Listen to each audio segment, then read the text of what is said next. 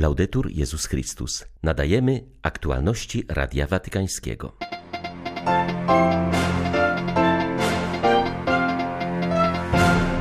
Dobiegają końca rekolekcje przed rozpoczynającym się jutro synodem. Kościół w Polsce przygotował teologiczne opracowanie, które ma pomóc w przeżywaniu synodu. W centralnych Włoszech rosną obawy w związku ze wzmożoną aktywnością sejsmiczną na polach flegrejskich. Geolodzy zapewniają, że nie musi to prowadzić do erupcji wulkanu, ale jak mówi miejscowy biskup, niepokój narasta, ludzie żyją w ciągłej niepewności. Rodzice błogosławionego Karla Akutisa napisali o swym synu książkę. On nam pokazał, przyznają, że świętość to coś konkretnego. 3 października wita Państwa Krzysztof Bronk. Zapraszam na serwis informacyjny. Dziś ostatni dzień rekolekcji dla uczestników synodu. Ojciec Timothy Radcliffe w swojej nauce wskazał, że choć nasze społeczeństwa są przepełnione palącym gniewem, rodzącym się z lęku, to Pan wzywa do porzucenia takich destrukcyjnych pragnień i ufności podczas prac synodalnych. No nie może być owocnej rozmowy między nami, jeśli nie uznamy, że każdy z nas mówi z autorytetem. Wszyscy jesteśmy zanurzeni w Chrystusa, kapłana, proroka i króla. John Henry Newman pięknie mówił o wielu formach autorytetu, o zarządzaniu, rozumie i doświadczeniu. Wszyscy mamy autorytet, ale w różny sposób. Newman pisał, że jeśli autorytet rządu stanie się absolutny, będzie to władza despotyczna. Jeśli rozum stanie się jedynym autorytetem, popadniemy w jałowy racjonalizm. Jeśli doświadczenie religijne będzie jedynym autorytetem, zwycięży przesąd. Autorytet hierarchii z pewnością zapewnia, że rozmowa Kościoła jest owocna, że żaden głos nie dominuje i nie zagłusza innych, dostrzega ukrytą harmonię. Jeśli Kościół stanie się prawdziwie wspólnotą wzajemnego upoważnienia, będziemy mówić z autorytetem Pana. Stawanie się takim Kościołem będzie bolesne i piękne.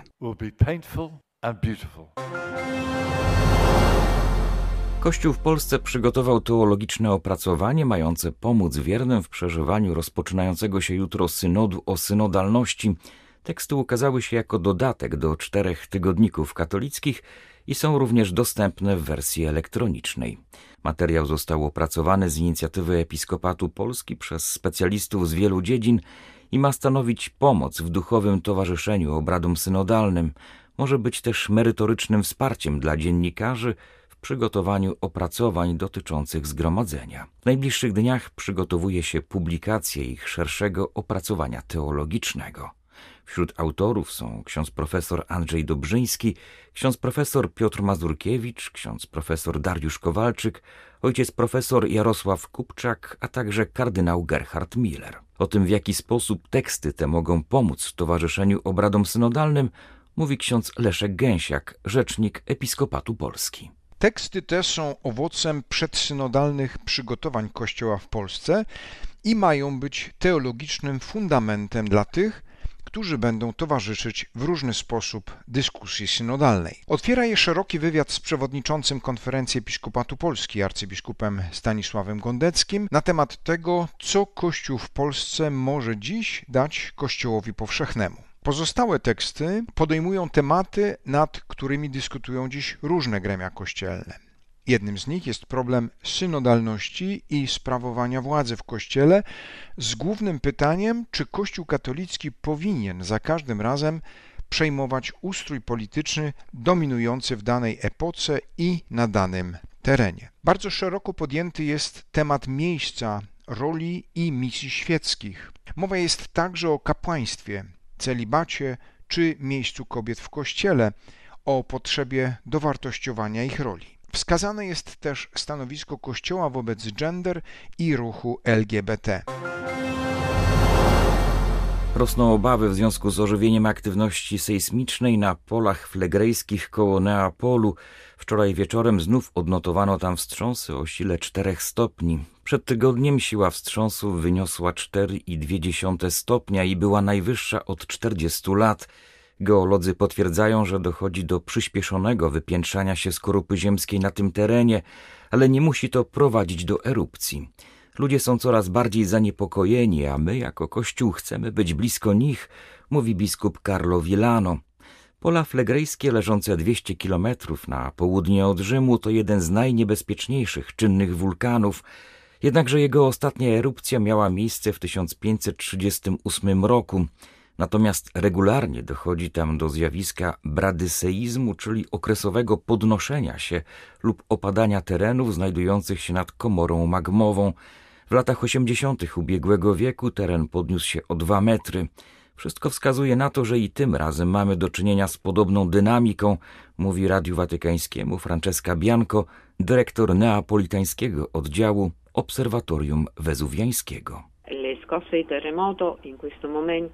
Obecne trzęsienia ziemi są przejawem zjawiska bradyseizmu. Zawsze było ono charakterystyczne dla tego obszaru, lecz nie zawsze jest bezpośrednio związane z możliwością erupcji.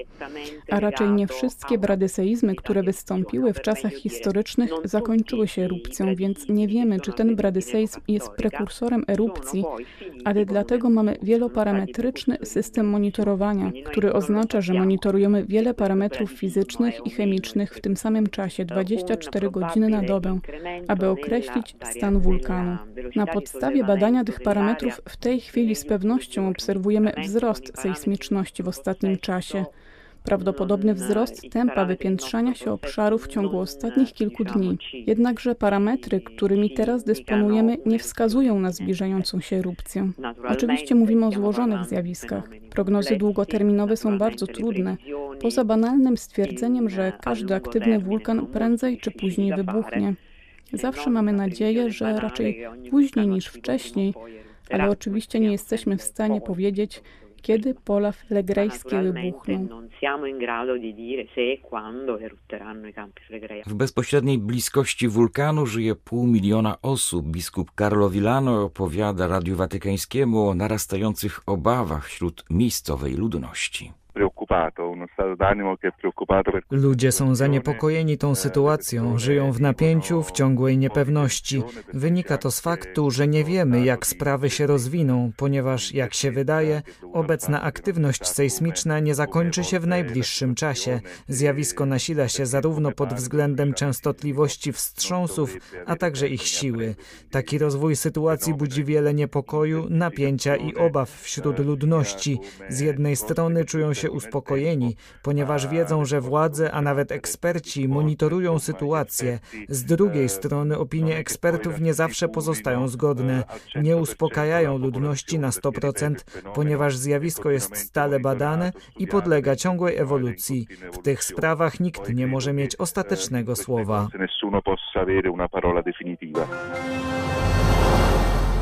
Przeżyć wyniesienie na ołtarze własnego syna wydaje się niemal niemożliwością, to jednak jest doświadczenie Antoni Salzano i Andrei Akutisa, rodziców błogosławionego Karla. Teraz zgodzili się opowiedzieć o swym dziecku w ramach książkowego wywiadu, który ukazał się we włoskich księgarniach pod tytułem Przekazywanie wiary w szkole naszego syna Karla Akutisa. Jak wspominają rodzice, Carlo interesował się wszystkim: miastem, które mieliśmy odwiedzić, postacią polityczną, grą wideo lub programem komputerowym i zawsze robił to w sposób aktywny oraz z myślą o dobru ludzi, z którymi miał do czynienia. Nie da się nie dostrzec, że w centrum życia Karla stał Bóg. Jak sam podkreślał, Bóg słucha i odpowiada. Trzeba jednak wierzyć w to, mieć ufność, że ten dialog jest możliwy i realny. Bóg też wie, jak poprowadzić nas ku pełni, a naszą rolę stanowi żyć w zgodzie z dewizą nie miłość własna, lecz chwała Boga. Carlo często powtarzał to hasło. Zdarzyło się też, że przypomniał mu je anioł. I choć Carlo został wyniesiony na ołtarze, w jego życiu dostrzegamy dużą prostotę. Rozwijał swoją duchowość, codziennie czytając fragment Biblii. Często przyjmował komunię, podkreślając, że po niej to różaniec jest kolejną najpotężniejszą bronią przeciw szatanowi i najkrótszą drabiną do nieba. Troszczył się bardzo o ubogich, innymi kupując dla nich śpiewory czy zanosząc im jedzenie, a także o wiarę bliskich. Tłumacząc kwestię grzechu osobistego młodszym dzieciom podkreślał, najmniejsza wada trzyma nas zakotwiczonych na ziemi w taki sam sposób, w jaki balony są trzymane przez sznurek w dłoni. Karlo umarł na białaczkę. Choroba rozwinęła się w bardzo krótkim czasie. Jak mówią rodzice, to wydarzenie sprawiło, że bardziej zrozumiał, iż każda mijająca minuta to jedna minuta mniej, jaką mamy na uświęcenie, a czas nie powinien być marnowany na rzeczy, które nie podobają się Bogu, ale musimy uczynić go naszym sprzymierzeńcem. Ostatecznie bowiem chodzi o to, by życie na ziemi stało się trampoliną do nieba. Trwa tragiczna sytuacja ludności Górskiego Karabachu. W ubiegłą niedzielę papież zapewnił, że śledzi dramat uchodzących stamtąd mieszkańców. Ponawiam mój apel o dialog między Azerbejdżanem a Armenią, mając nadzieję, że rozmowy między stronami przy wsparciu społeczności międzynarodowej będą sprzyjać trwałemu porozumieniu, które położy kres kryzysowi humanitarnemu. Pod koniec września Azerbejdżan wymusił kapitulację władz nieuznawanego międzynarodowo państwa Górskiego Karabachu i otworzył blokowany wcześniej korytarz łączący ten region z Armenią. Doprowadziło to do masowych wyjazdów zamieszkujących te tereny Ormian. W obawie przed prześladowaniami oraz mordami ze strony Azerów ponad 100 tysięcy osób uciekło już do Armenii. O problemach i bólach tej ludności mówi Radiu Watykańskiemu Chowanes Geworgian, przedstawiciel Górskiego Karabachu we Francji, zaznacza, że nikt z Ormian mieszkających na miejscu nie potrafi ufać zachętom azerskiego prezydenta, by pozostać w regionie, bo widzimy jego działania, zauważa ormiański przedstawiciel. Jego żołnierze zabili naszych żołnierzy i wciąż zabijają naszych ludzi na terytorium górskiego Karabachu. Gdy tylko weszli do naszych domów, natychmiast usunęli wszelkie ślady ormiańskiego pisma, wszelkie ślady tego, co można nazwać naszą religią, czyli chrześcijaństwa, ściągnęli wszystkie krzyże. Obecnie pod kontrolą Azerbejdżanu znajdują się inne regiony. Podam jako przykład jeden, region Nachiczewanu, leżący między Armenią a Turcją, ale należący do Azerbejdżanu. Na tych ziemiach, które nie stawiały oporu ani nie ogłosiły niepodległości, kiedyś ponad 50% mieszkańców stanowili Ormianie. Zgadnijcie, ilu dziś ich tam mieszka. Ani jeden.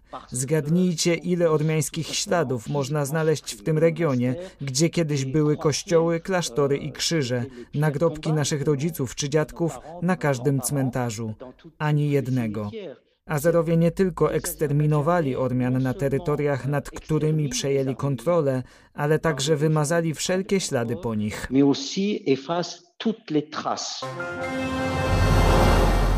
Na Ukrainie nie ma spokojnego miasta.